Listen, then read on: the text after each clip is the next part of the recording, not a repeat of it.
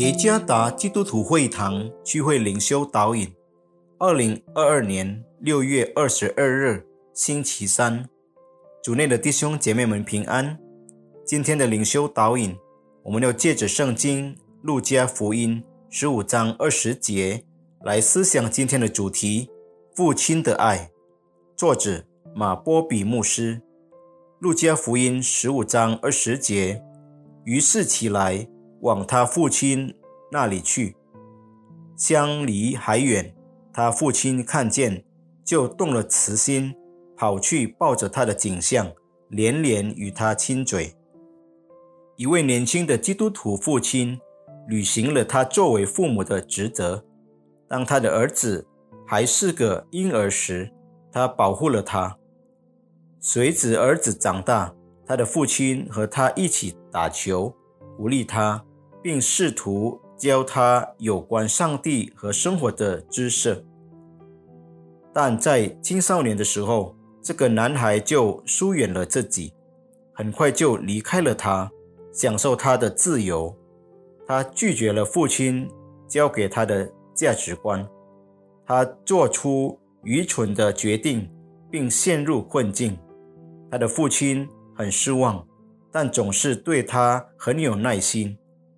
不管他做了什么，他说：“他仍然是我的儿子，我永远不会停止爱他。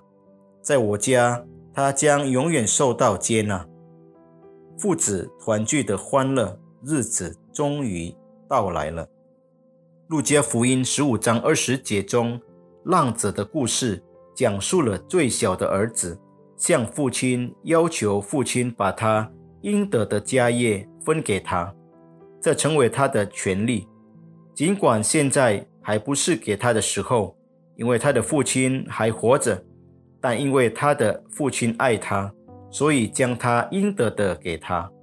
遗憾的是，交托给最小儿子的没有得到妥善经营照管，他去了一个很远的地方，任意放荡，浪费资财。他没有再听他父亲的劝告。直到他失去了一切，在这种连饭都吃不饱的情况下，他才恍然大悟，想起了父亲家里的一切。最后，他决定回到那里，成为他父亲的工人之一。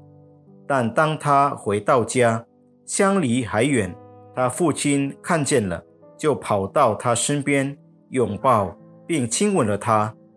这个故事展现了一位如此真诚的父亲的爱，即使他的儿子犯了大错，父亲仍然爱他，甚至原谅他的错误。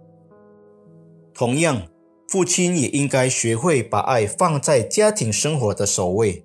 爱不仅仅是一种感觉，而是一种真实的活动，它是一种可以被感受到，并使所爱之人幸福的行动。